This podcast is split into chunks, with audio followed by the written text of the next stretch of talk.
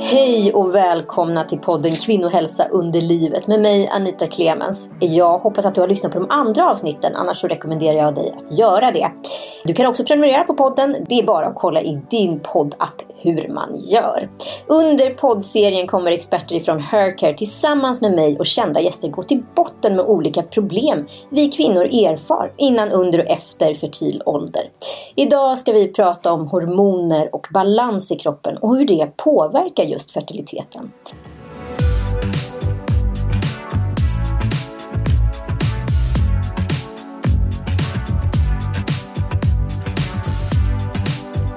Veckans gäst är entreprenören, influencern och snart hälsocoachen Sanne Alexandra.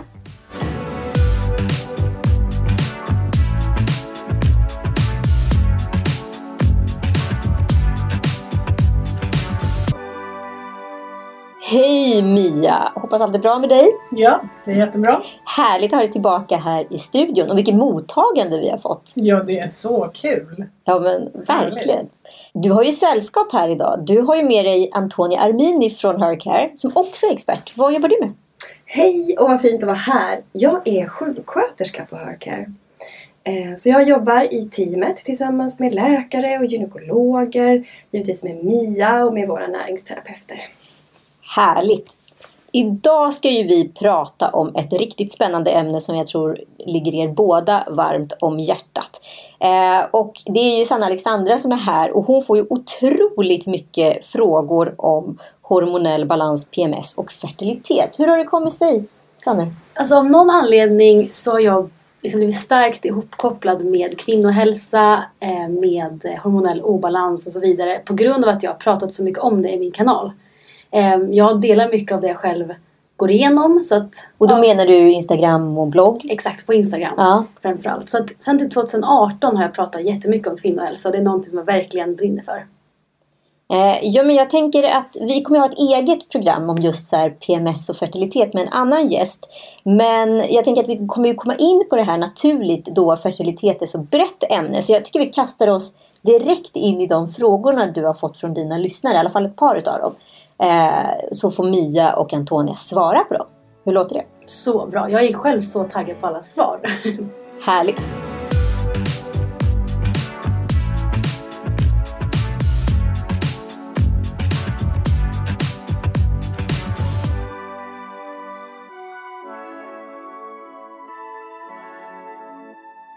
Okej, då kommer vi till första frågan. Vad händer med ens egna hormoner när man tar p-piller? Hamnar man i obalans då?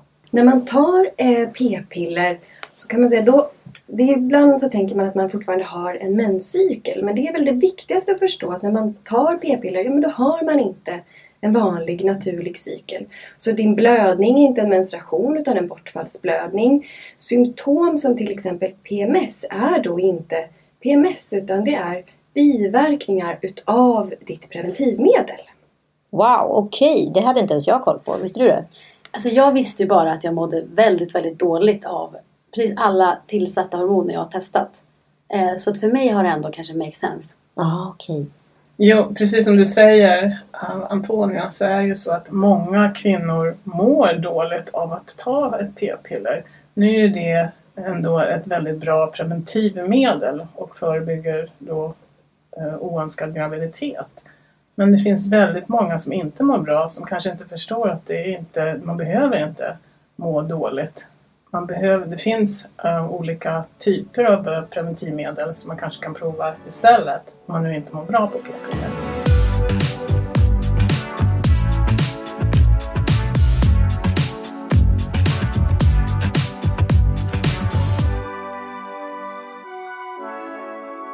Vad har ni för tips på att boosta ägglossningen? Det här älskar jag. Men då tänker jag så här, man måste förstå frågan från början. Varför tror ni den här kvinnan då förmodligen har frågat varför man ska boosta ägglossningen? Har du någon tanke på det? Jag skulle kunna tänka mig att det är någon som vill bli gravid. Skulle mm. kunna tänka mig. För jag tror att det är väldigt många som inte ser sin ägglossning som så viktig när de inte vill bli gravida. Även fast den är det. Så jag tror säkert att det är någon som kanske försöker bli gravid. Jag skulle säga så att ägglossningen är liksom queen i hela cykeln. Det är liksom ägglossningen det handlar om. Ägglossningen är ju som sagt eh, det som leder till att vi får en menstruation. Och ägglossningen är också det som skapar den här cykeln utav östrogen och progesteron. Så vi behöver vår ägglossning. Precis som du säger så är det den som gör så att vi är fertila. Men att vara fertil handlar mer än att bara bli gravid eller försöka undvika det. Eh, när vi har en stark liksom, ägglossning som ger oss en bra gul kropp, som är det, den delen som då eh, producerar vårt progesteron, ja, men då har vi libido, alltså sexlust. Östrogen bygger väldigt mycket vår benhälsa, så vi får starkare ben, vi kan bygga muskler. Eh, det bygger väldigt mycket vår personlighet. Så att ha en stark fertilitet och ha en bra ägglossning är liksom grunden till att må bra. Sen är det ju många nu i, i dagsläget som kanske väntar eh, ganska länge på att eh, försöka bli gravida för att man är mitt uppe i livet och man ska ha en bra karriär eller utbildning och kanske vänta tills man är i mitten av 30-årsåldern och då, då är man gammal när det gäller fertilitet, eller hur Antonia? Precis, och det här kan ju vara väldigt känsligt och kanske provocerande för många att höra att man har liksom levt det här livet och man har kanske gjort sin karriär, man har rest eh, och sen när man vill bli gravid så går det inte. Och varje blödning blir en jättesorg. Och det blir en stor kamp att försöka bli gravid. Ehm, och just som du säger Mia så är det tyvärr så rent biologiskt att det är lättare när vi är yngre. Så om jag då vill boosta på bästa sätt, hur kan jag liksom, vad kan jag göra för att boosta ägglossningen? Ja, jag tycker att eh, det är en jättebra fråga och vart går man för att få hjälp med det? För att idag då är det så att du försöker att bli gravid och blir du inte gravid inom ett år då kan du söka hjälp inom gynekologin eh, och infertilitet bli utredd för infertilitet. Och då går man direkt till IVF och tyngre behandlingar vanligtvis. Men det finns inget ställe man kan gå till för att jag vill verkligen boosta mig själv och min, min kropp eh, innan jag planerar att bli gravid. Eller jag vill se till också att, givetvis allra viktigast, att jag själv mår bra inför en graviditet. Så där finns det väldigt mycket som man kan göra, eller hur? Absolut. Ehm, om man tänker så här, vad är våra könshormoner byggda av? Det, där kan man börja. Det är liksom steroidhormoner. De är lite tyngre än övriga hormoner. De kan gå in i cellen och skapa genuttryck. De är byggda på kolesterol. Kolesterol är fett. Jag bara tänker själv, jag är född på 80-talet. Jag var livrädd för fett. Mm. Inte tusan åt jag något fett under min tonårstid där jag skulle bygga mina könshormoner. Så det kan jag säga så här. Ägget, eh, hela din fertilitet behöver fett. Eh, ägget gillar också D-vitamin, B-vitamin, zink, selen, magnesium. Så vi pratar alltså om näring. Den här, eh, det är ju själva folliken, äggblåsan, som sen ombildas till den här gulkroppen. Så den behöver näring. Och hur vet man då vilken näring man behöver? Jo, det kan man ju kolla genom att ta blodprov. Eh, många av dem i alla fall. Vi kan också kolla fettstatus, om det är så, omega 3, och 6 och 9 status. Men, eh, Precis, och det är de här blodproven man tar hos er? Ja, en, många av dem i alla fall. Ja. Och det är det som vi kollar bland annat eh, D-vitamin, B, B12, eh, järn, ferritin, CRP som utvärderar om du är inflammerad eller har inflammation i kroppen, sköldkörteln vilket också är väldigt viktigt att kolla om man har svårigheter att bli gravid. Men jag tänkte då, för jag, jag brukar tänka lite som att Alltså just det här med D-vitaminen och att vi ska ha rätt näring. Alltså egentligen är det väl lite som alltså jorden. Att det ska vara liksom en bra plats att kunna växa upp. Jag menar då alltså, typ som en blomma. Ska den växa upp genom jorden, det måste ju bli... Det måste ju få rätt näring, rätt D-vitamin, rätt liksom... Jag brukar tänka så här att Greta Thunberg, hon vet inte om det än, men hon är liksom jordens största fertilitetsaktivist. Mm. För precis det som händer med jorden och naturen händer också med våra kroppar. Vi behöver ha mångfald, vi behöver ha solljus, vi behöver ha bra produkter. Och det är också därför som vi på Hercare ofta upptäcker de här näringsbristerna och måste korrigera dem med kosttillskott. Nästan alla patienter säger till mig men jag äter bra och sen börjar man nysta där och lite. Det är svårt att äta bra och det är också svårt att hitta bra produkter. Våra grönsaker innehåller inte det de gjorde för bara några decennier sedan. Nej, och det jag har fått jättemycket frågor eh, om era blodprover och era liksom, besök. Men man kan ju inte besöka er om man inte bor i Stockholm. Det kan man väl visst det? Jo, det kan man visst det. Vi erbjuder också digitala möten och har då samarbete, utvecklat samarbete med olika labb ute i landet. Precis, man tar ett blodprov på sitt lokala labb och så skickas de testresultaten till er. Precis. Just det. Och det här med videosamtalen, det tänker jag är så väldigt bra. Eh, för en annan sak som är viktig för att boosta din, eh, ditt ägg, då, din äggkvalitet, är ju och minska stressen. Så många brukar liksom säga det att ah, gud, och så ska jag ta mig hit och dit, men gud vad skönt vi kunde ses här på video. Och nu är det bara ett exempel för att minska stress och att minska stress är kanske liksom, så, liksom 10 000 kronors frågan i dagens samhälle. Men vill man boosta äggkvalitet minska stress.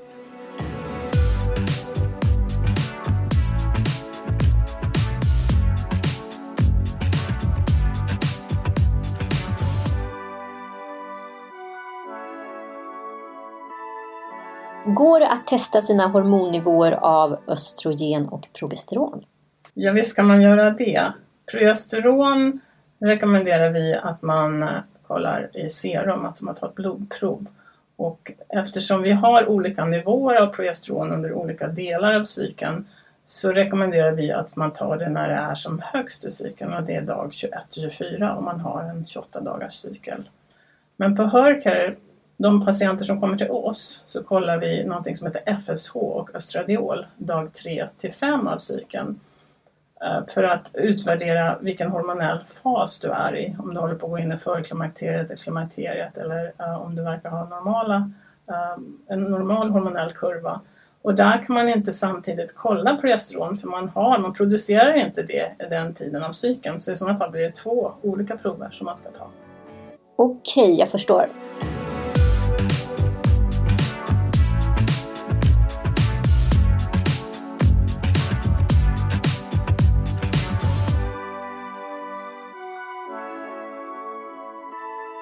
Eh, jag känner inte igen mig själv när jag har PMS. Det är så jobbigt och jag vill inte ta antidepressiva. Jag vet inte vad jag ska göra. Mår så dåligt och är arg veckan innan mens. Känner inte igen mig själv och sedan mår jag direkt bra när mensen kommer. Det här eh, träffar jag så många kvinnor som berättar om väldigt, väldigt vanligt är PMSen. Men för att den är vanlig så tycker ju vi på Hörker inte att det är någonting som man ska behöva ha. Att det ska vara det naturliga bara för att det är vanligt. Eh, jag har själv en erfarenhet utav PMS där eh, jag ville göra slut med den jag var tillsammans med, säga upp mig från jobbet, eh, ta ett tåg till Berlin, Ja, you name it. Och är idag fri från min PMS. Mm. Okej, okay, så man kan alltså motverka det? Det går att göra någonting åt det. Det är eh, våra hormoner och vårt nervsystem är ju en del av det autonoma nervsystemet. Så jag kan ju inte säga så här, nej men nu ska jag inte ha mer PMS. Nu är jag klar med det. Däremot så är det ytterst påverkningsbart. Men jag tänker också att vi kommer från en tid, i alla fall alla vi i det här rummet, där det har lite, såklart sett lite olika ut på så på hur gammal man är. Men liksom jag, i mitt fall så var det ju pinsamt. Alltså skulle en tampong ramla ut ur mitt liksom, skolskåp. Det skulle ju vara förenat med döden. Och sen vill man ju inte vara en PMS-häxa, man har inte velat vara en klimakteriekärring och så vidare. Det har funnits otroligt mycket negation runt det. Så vi ska inte bara prata om det hormonella utan också så att samhällets syn på det att vara en jobbig jävel. Eller nästan lite äcklig ibland. Mm, eller? Absolut. Jag har till och med kompisar som är så här. Nej men när mens igen, det är så äckligt. Och gud jag spyr liksom. Man bara, men är det så äckligt då? Liksom, det är så konstigt att vi har hamnat där på något vis. Att det ska det ska prata så negativt om någonting som vi kvinnor Alltså vi, vi är uppbyggda med, på ett sätt som inte män är och vi, det är en stor del av vårt välmående och vår... Eh, alltså det är, det är hela anledningen till att vi ens kan liksom få barn. Men jag tänker ju att någonting som vi har missat i vår kultur är att vi inte har blivit initierade till menstruation. Eh, många får p-piller i ena handen, Alvedon i andra, kanske en tampong. Eh, eller man får höra att ja, men jag har köpt tjejgrejer till dig. Så man liksom pratar inte ens om blod. Många vet inte ens om vad det är man blöder. Att vi, vi blöder ut livmoderslemhinnan som byggs upp varje månad för att ägg ska kunna implanteras där. Vi ska kunna bli gravida. Eh, sen sjunker hormonnivåerna när kroppen märker att ja, det blev ingenting den här gången heller och vi blöder. Det är väldigt, väldigt få i våra generationer som har fått den introduktionen. Eh, men nu känns det som att vi är liksom det är en liten sån kvinnlig revolution på väg nu och mycket ny kunskap som kommer. Och jag känner i alla fall, jag som är i mitten av 30, att eh, jag är tacksam för alla er, för Mia som vandrar före och pratar om klimakteriet. Då kanske vi är förberedda nästa gång. Verkligen. Ja, men jag tycker att det finns mycket liksom, kvinnohat eller kvinnoförakt i den här frågan. Så att det man gör det är inte bara ur ett vårdperspektiv utan det är ett samhällsperspektiv. Ja precis, och, och mens är någonting som är naturligt men att må dåligt och ha PMS är inte naturligt. Det är inte meningen att vi ska må dåligt innan vi får mens och, och en del, um, kanske man är i ett förhållande när, när partnern säger har du mens eller? Ja men när man har fått mensen det är då man mår bra. Det är då PMSen försvinner. Så att PMS är uh, någonting som verkligen går att um, behandla om man ska använda det uttrycket. Och det har jag gjort i många år. Jag har haft en klinik i USA i 18 år och behandlat många, många kvinnor med PMS med bland annat eh, hormonell balans och att man ger kroppen vad den behöver för att kunna tillverka signalsubstanser som serotonin och GABA. Det är jätteviktigt för att man inte ska känna av de här hormonella svängningarna under månaden. Och det kan man ju göra på många olika sätt, se till att man har balanserade signalsubstanser. Det har vi pratat om i ett tidigare avsnitt, men det är superviktigt. Så att kombinationen är ju livsstilsförändringar, balansera signalsubstanserna, se till att du är hormonellt balanserad. För det verkar ju också ha blivit lite av en, eh, i alla fall i sociala medier kan man ju se att det nästan är ett, ett legitimt tillstånd att vara arg och göra slut med sin partner under PMS. Att det nästan är någonting man får räkna med och så ska det ju inte vara. Och det är ju jättebra tycker jag att ni lyfter det. Eh, vi kommer att ha ett helt eget PMS-program här i podden. Eh, så vi kommer komma tillbaka till det här ämnet eh, lite senare. Men det här var i alla fall ett litet smakprov på vad vi kommer få prata mer om då.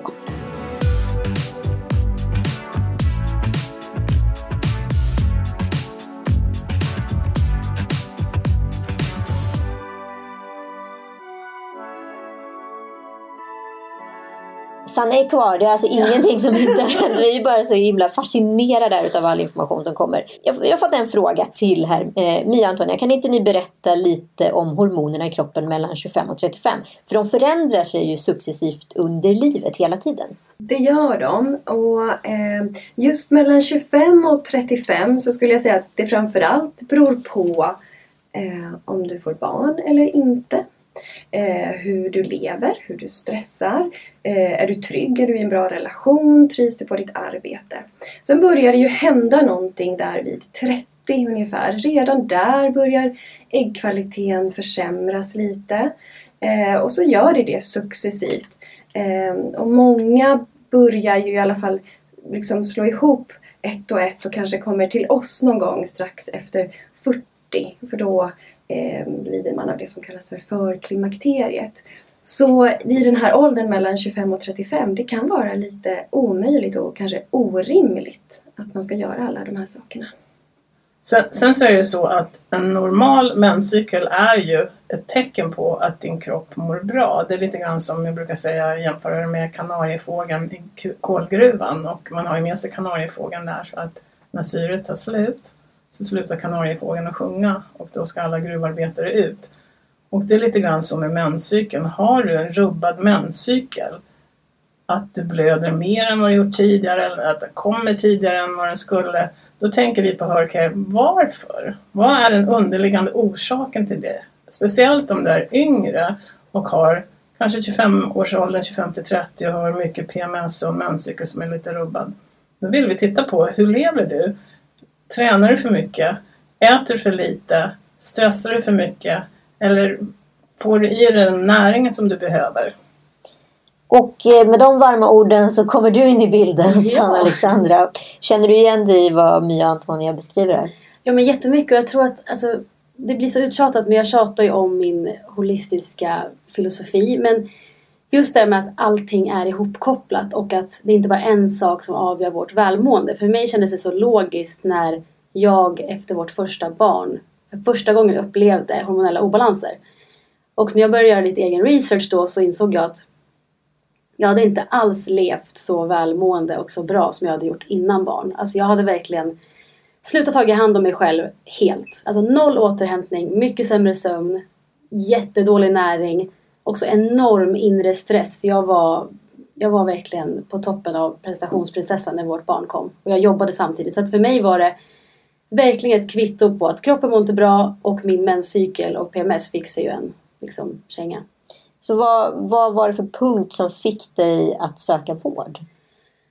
Jag tror att det var när vår son var typ åtta månader. Min man spelade hockey och var borta jämt. Och jag skulle ju prompt jobba för att jag kan ju allt tydligen. Eh, så jag skulle jobba, jag skulle ta alla nätter, jag skulle ha rent hemma ifall det kom gäster. Jag eh, kunde inte sova på nätterna, inte på grund av vår son utan för att jag var stressad.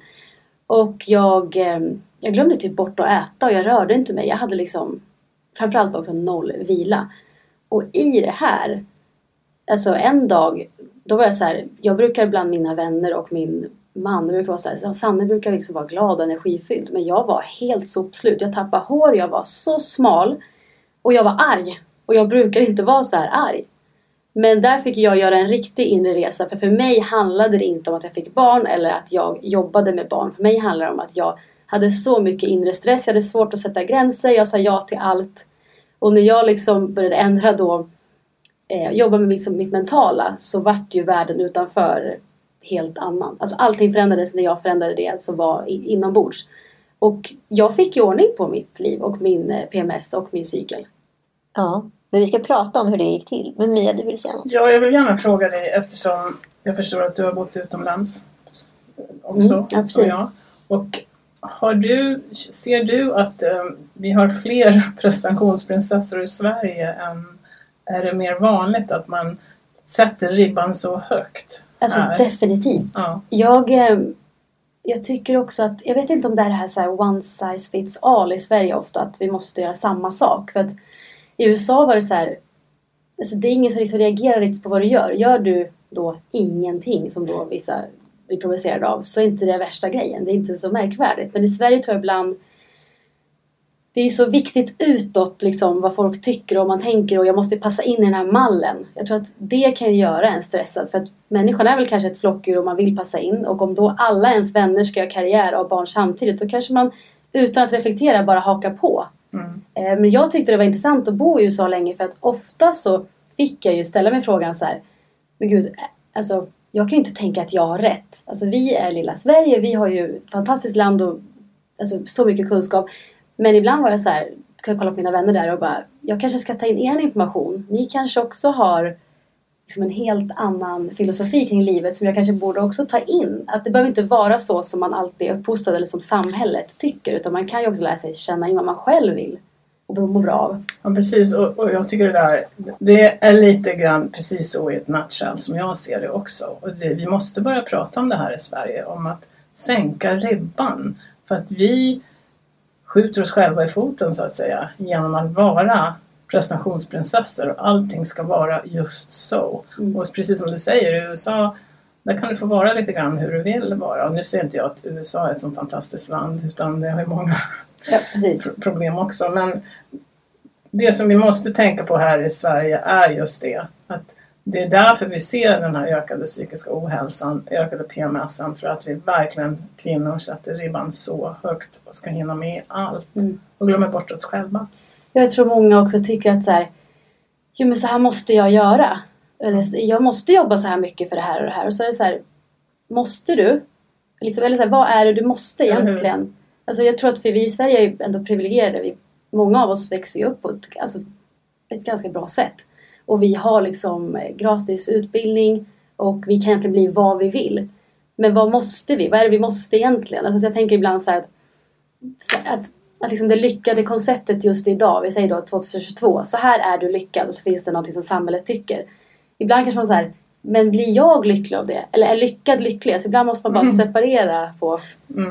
Och, och, och, utsidan, vi, vi måste också tänka på att vi måste tänka mer på insidan och inte så mycket på utsidan. Nej. Verkligen. Det ni pratar om är så relevant och det här är någonting som jag nästan tar upp med alla mina patienter och man blir ju lite den obekväma typen när man belyser det här att vi måste skala ner. Men också hur bryter man den här cykeln? Alltså hur kommer vi in? Hur skapar man? Hur vet man då vad, vad jag vill? Eh, och ett sätt som man faktiskt kan använda sig av det är att vi kan använda vår menscykel.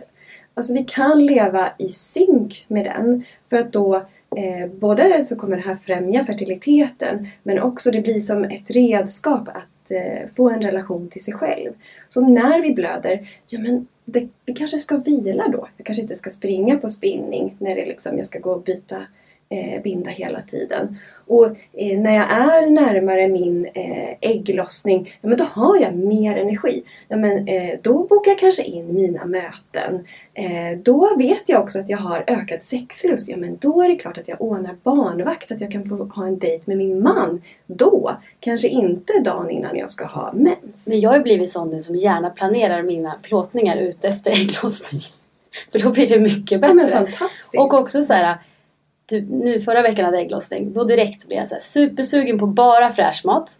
Inte som veckan innan när jag är lite sugen på vitt bröd och pasta. Sugen på fräsch mat, svinpigg. Alltså jag är så pigg och jag har all energi på jorden och jag kan ta hand Jag ska ha tio barn.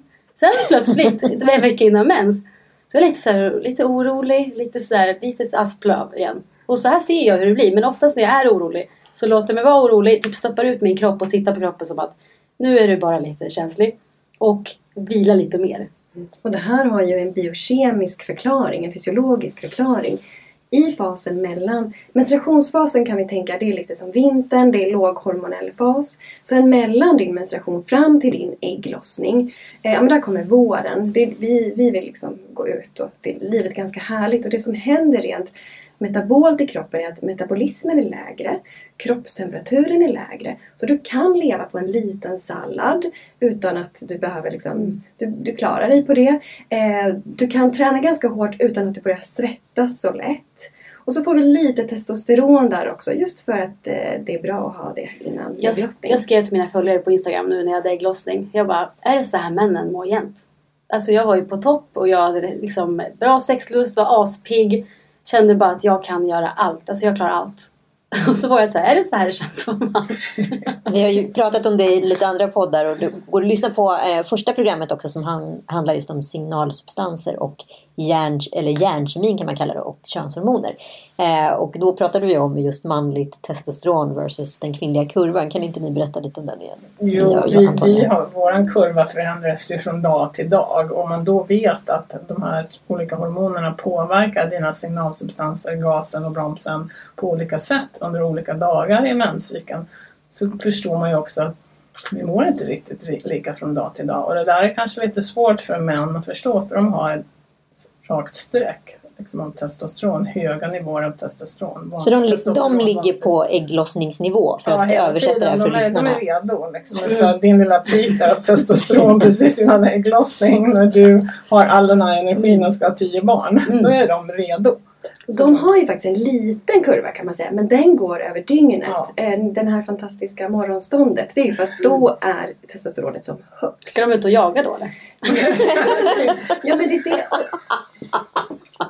Why? Män, med kvinnor eller djur. ja men jag har ett ganska bra svar på det faktiskt. Och, nej, men testosteronet är, eh, testosteronet är eh, som högst på morgonen och man kan tänka sig att liksom, vårt samhälle är lite byggt efter deras testosteronkurva. Eh, just nu så är det väldigt mycket så här, trendigt i så biohack community så att man ska så här, ut och så ska man typ göra sin löprunda på morgonen, meditera, göra jättemycket innan klockan typ sex och sen ska du boka dina möten och Det passar jättebra om du har testosteron. Också after work. Det är perfekt! För där visar det här fem, sex tiden innan man går hem. Ja, men då börjar testosteronet sjunka lite. Då kanske man inte ska jobba. Då kan man after work och vara lite social istället och sen kommer man hem och lägger sig. Men nu pratar du om männen. Nu pratar vi ja, om männen. Precis, bara så att vi Absolut. Ja. Så det är det. Väldigt mycket av våra liksom, större funktionerna är ju gjorda efter, en, en, eh, efter männens eh, deras cykel kan man säga. Alltså nu när vi sitter här nu när jag ändå har er framför mig. Jag har ju ställt mina frågor till följare men jag måste fråga en grej om mig själv. Som jag tänkt på, som jag kom på nu igen. Det är jag mår så otroligt bra gravid. Jag hade hellre varit gravid jämt än inte. Min teori nu är väl att kanske jag vilar mycket mer då. Är det något extra, liksom, vad är det för extra hormoner som vi boostas med under graviditet? Vad är det som gör att... För jag, jag skulle egentligen bara vilja vara gravid jämt. Jag med. Jag hatade att vara gravid. Jag mådde så dåligt. Det här är ju olika. Du har Men- fyra barn? Eh, tre som biologiska Ja, okej. som jag fött. Mm. Men det som sker när du är gravid är att östrogen och progesteron är skyhögt. Mm. Men det ligger också stadigt. Det som händer sen, som de flesta mår dåligt av, det är inte östrogenet i sig och progesteronet i sig, utan det är att det svänger. Det går upp och ner och det är svängningarna man är känslig för. Nu fick du istället under nio månader ha höga, stabila könshormoner. Det var fantastiskt. Mm. Jag, jag gillar också det. Men efteråt gick det inte så bra. Nej men det var ju samma för mig. Men jag vet att det är väldigt många här ute som undrar just mycket om det här med fertilitet. Men Sanna, du har ju aldrig haft några problem med dina eh, liksom, graviditeter. Nej, alltså grejen är att jag, jag har inte haft problem att bli gravid eller jag har inte haft problem att vara gravid. Men däremot har jag delat mycket kring det för att av någon anledning så känns det som något inre kall. Jag, jag, jag, jag brinner ändå för det. Alltså jag, jag vet inte, jag tror nu återigen att det är så här, hela den eh, filosofin jag har så någonstans ibland känner jag bara att vi separerar oss mer och mer och mer och mer från naturen. Och vissa då människor som jag halvt coachar ibland så är det alltid så här Oftast är det kvinnor som vill bli gravida som är så här, hur ska jag göra? Och då är det så här, hur sover du, hur mår du, hur äter du? Och det är alltid, det är inte, det är liksom, ganska risigt. Så att jag tror att så många människor mår dåligt i onödan och jag tror att det är väldigt många som skulle kunna boosta sin eh, cykel och må bra som kvinna med rätt hjälp. Och jag tror att det är där jag, eh, ja det är, där, det är verkligen det jag brinner för. Ja, jag hör ju till den kategorin kvinnor som hade jättemycket problem med att faktiskt bli gravid. Jag hade ju kanske fem missfall innan min dotter kom. Jag hade oregelbunden mens, alltså cykeln var liksom kaos och jag fick jag var i Colombia när jag faktiskt var gravid och vi så såg ett tickande hjärta liksom. Och då fick jag liksom progesterontabletter och sen så hade jag massa missfall innan nästa barn. Och så här såg det ut. Jag är så, jag blir så här, nu blir jag gråter bara för det. Nej men jag är så himla, åh gud. Han var fin. Men det är så känsligt att prata om Jag vet alltså, barn och barn och graviditet. Alltså. Och jätteviktigt att vi pratar om det. Ja. Mm. Och så som vi ser på det på Hörcare är ju Ofta så ser man att kvinnor är stressade, de har dålig äggkvalitet och det kan vara av andra orsaker också än stress. Och när man då har haft ägglossning, den här blåsan där ägget kommer ifrån formar då en, blir en hormonproducerande liten körtel kan man säga, eller blåsa. Och det, det är den som producerar progesteron. Och för att man ska kunna hålla en graviditet gäller att den där gulkroppen verkligen fungerar bra. Ibland kan man se det att kvinnor som har kortare cyklar, kanske istället för 28 dagars cykel, har 21-24 dagars cykel för att det där progesteronet håller inte hela vägen. Och det kommer inte hålla graviditeten heller och det orsakar då ehm, tidiga missfall. Nej men jag blir så rörd och liksom berörd av det här samtalet för att jag tänker så mycket jag har lidit. Tänk om jag hade vetat och varit i den åldern som jag vet att många lyssnare är nu. Där man är där precis där jag var för tio år sedan. Att det finns en helt ny typ av hjälp som jag aldrig fick. Jag tror att det är det som du säger att alltså när kvinnor skriver till mig som har, de går och testar sig liksom någonstans, jag vet inte exakt var. Eh, det kanske inte är någon så här just specifik kvinnoklinik utan andra ställen. Eh, beställer kanske hemtest och sådär som de kanske inte vet exakt vad det är men då så säger de bara så här, det finns inget fel på mig men jag kan inte bli gravid. Och jag blir också så här, jag, jag lider med så många som, jag, har väldigt, jag känner väldigt många som har haft svårt att bli gravida. Och det är väl någonstans där det också har triggas igång någonting i mig. Att så här, jag vill att, alltså jag brinner verkligen att folk ska ta hand om sig, att vi ska hitta rätt sätt för att må bra. För jag tror att allting på något sätt hör ihop. Sen förstår jag att det finns, det kan säkert vara både genetik och massa olika miljöer. Man kan kanske inte påverka allt bara genom att eh, ändra kost. Jag tror att det är så mycket mer. Men det är så många som behöver hjälp och jag tycker det är tråkigt att den biten inte har pratats om tidigare. Exakt som du säger Anita. Ja, nej, men nu behövde vi aldrig gå så långt som att gå till fertilitetsklinik för det löste sig. Men jag tror att jag var i en total obalans. Liksom med stress och massa saker oavsett. Men vad finns det att göra? Måste man gå di- direkt till fertilitetskliniken eller kan man få hjälp innan? Nej, det finns ju jättemycket saker man kan göra för att se till att boosta din kropp så att den verkligen mår bra, så att du har bra ägglossning och ökar chansen att bli gravid först och främst. Sen är det den andra frågan att behålla graviditeten och se till att man har bra produktion av progesteron hela cykeln och att den här gulkroppen håller hela vägen till vecka 12-13 när moderkakan tar över produktionen av progesteronet. Och vi håller på och utvecklar ett sådant erbjudande på Hercare där vi tar emot kvinnor för att just det, hjälpa dem med att ta reda på kan jag bli gravid? Är det någonting som jag måste göra för att se till att min kropp är jättebra innan graviditeten? Och um, hur ska jag hantera det om jag blir gravid? Som till exempel många kommer till oss av PMS och, och uh, får behandling med progesteron och känner då att om jag blir gravid så vill jag behålla graviditeten. Och då är det viktigt att informera då kvinnan om att fortsätt med progesteronet. När du tar progesteronet och ska få din mens då är det viktigt att du kollar om du är gravid. Är du gravid så fortsätter du med progesteronet.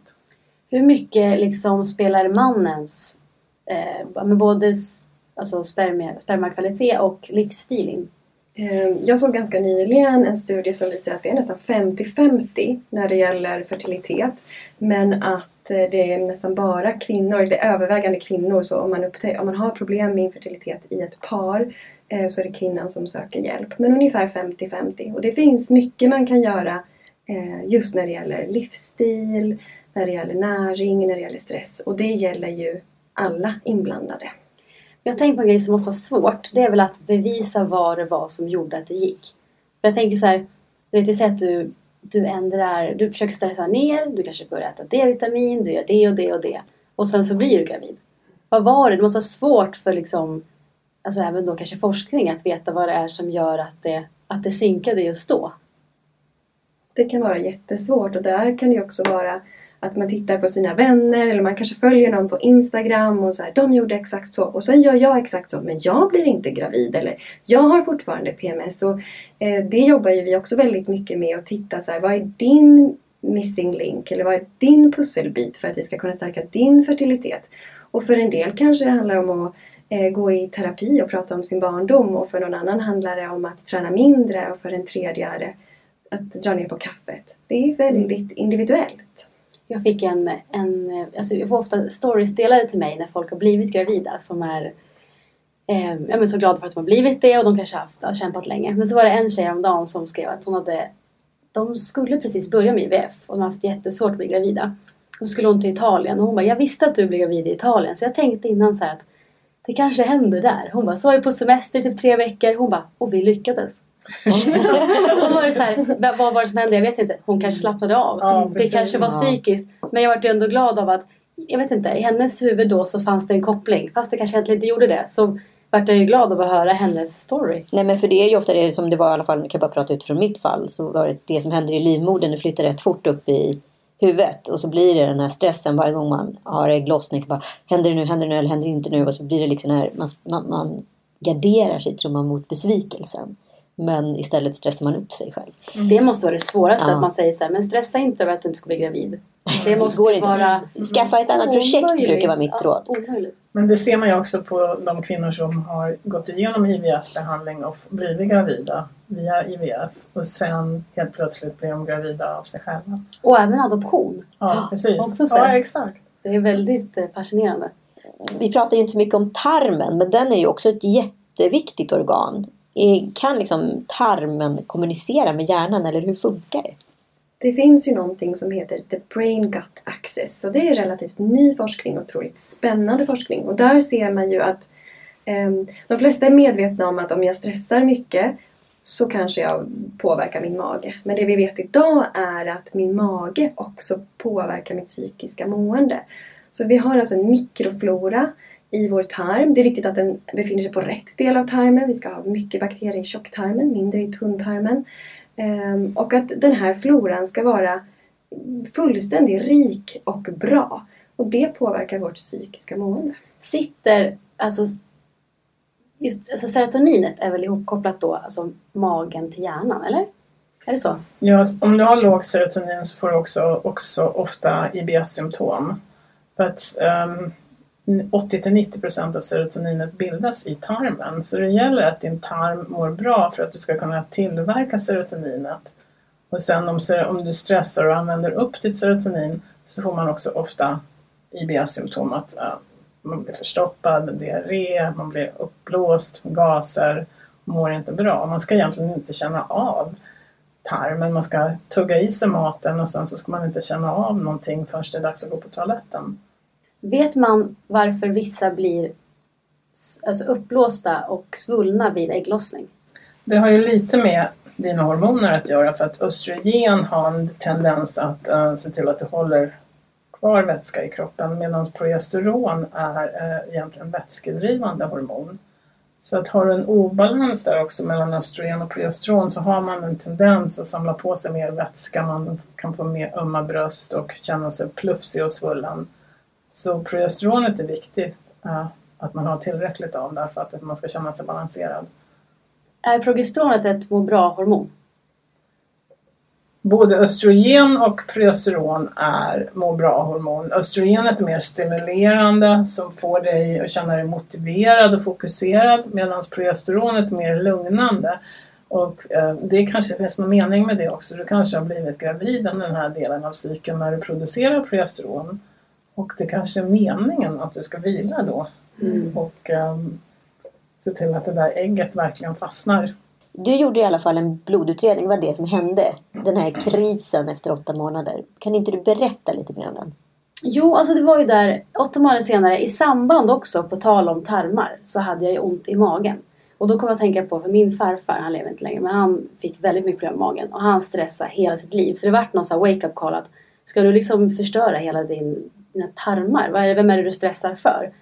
Men då gjorde jag ju en, eh, då tog jag massa tester och hormonerna var ju inte synkade whatsoever. Och där började ju min där behövde jag börja återgå till hur levde du som gravid?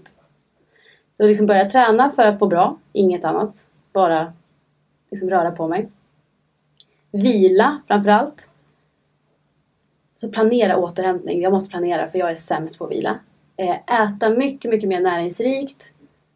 Och sen också typ ha lite kul, inte vara så så duktig som mamma så kanske bara få skratta lite och umgås med kompisar och liksom inte ta allt på stort allvar. Och kanske också så här, sluta grotta mig i, för när jag mådde som sämst då kunde jag också sitta och grotta mig i så jobbiga stories och nyheter och jag fastnade i liksom jobbiga saker. Så när jag liksom började välja då, vad vill jag få, vad, vilken energi vill jag ta in? Vart läcker energin och vart kommer den in?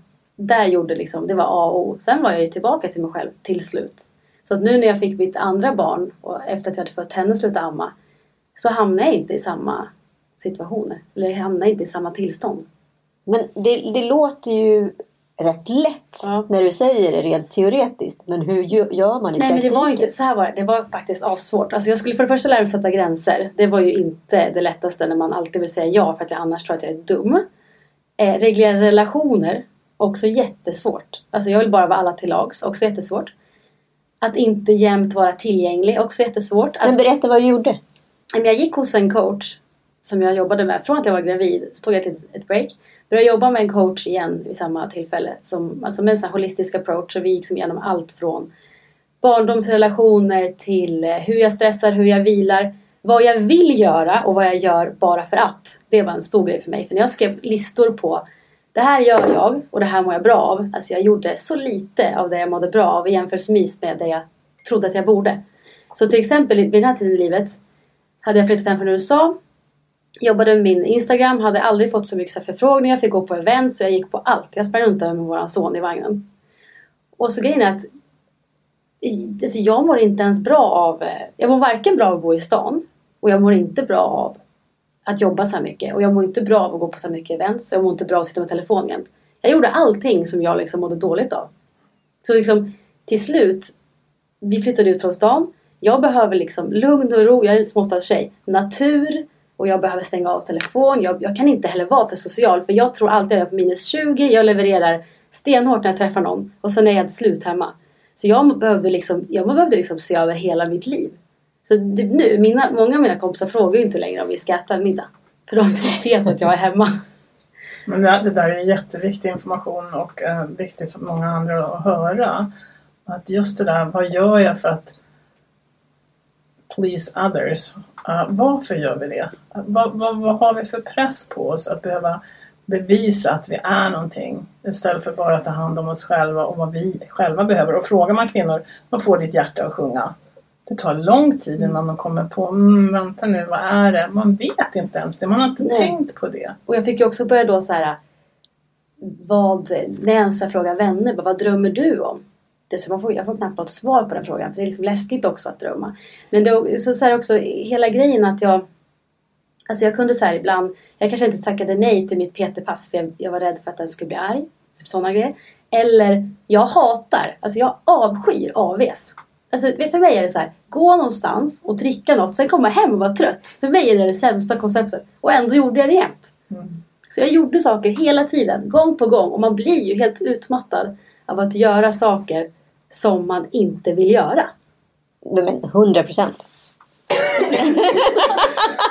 Jag ska tillägga att alltså, när man går till en coach eller psykolog, alla mår ju bra av olika saker. Det kan vara saker i vårt muskelminne, det kan vara saker vi är intresserade av. Alltså, man har ju helt olika utgångspunkter. Och jag känner ju folk, typ min man, han är så här, och då AV är väl det bästa konceptet någonsin.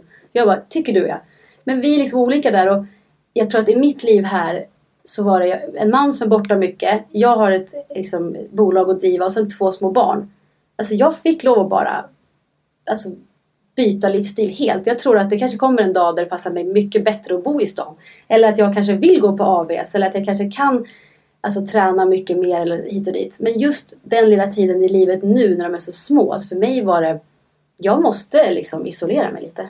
Man pratar mycket om FOMO, fear of missing out. Men jag tycker också det du belyser här. att så här, Rädslan av att tacka nej. För att man är rädd att såra den andra personen som blir eh, ska ta det här nejet då. Hur ska den hantera det? Det är inte den värld som har ansträngt sig så för mig. Och det är jätteläskigt också om man har vänner som lever på ett sätt som man själv kanske inte trivs med. Det är klart att det känns jobbigt att, att leva på ett annat sätt för man vill ju inte vara ensam heller. Alltså det är också så här, jag vet inte, man ska hitta sig själv i en, i, i en ny, vad säger man, konsultation. Men jag tror också så här, jag hade bott i USA så många år och varit så mycket själv och gjort så mycket saker som passar mig. Och sen så fort jag kom till Sverige då hamnade jag i den här plisa alla rollen igen.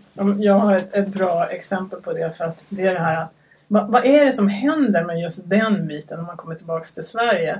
För att jag kände så här, äh, jag gör väl som jag vill i USA och sen ett exempel är när jag kommer hit och går och handlar på, på, på ICA eller ja, vad nu går.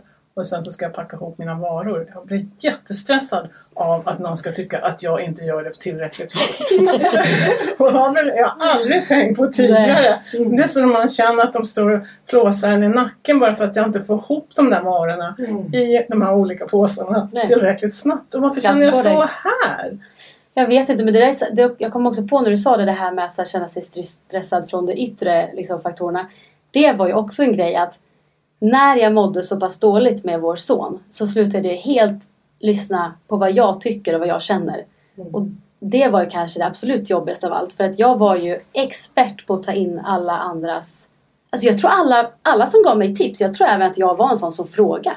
Och så här, jag bad om det så att det var inte så att folk prackade på mig saker utan jag bad om det och så tyckte jag att det var jättejobbigt när andras metoder inte kändes bra för mig. Alltså jag, jag, hade tappat, eh, jag hade tappat allt som heter lyssna på vad jag själv kände.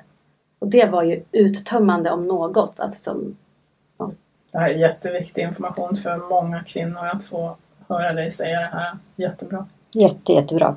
Det du sa om att eh, det var svårt att säga nej. Någonting som vi ser väldigt mycket och pratar med våra patienter om är att varje gång du också säger nej så säger du faktiskt ja till någonting annat. Så när du sa nej till det där eventet eller till att eh, ha mer telefontid, ja men då sa du ju faktiskt ja till Sanne. precis, så är det verkligen. Och det är ju svårt. Alltså man bara, är jag värd det verkligen? Ska jag ta den här tiden för mig själv?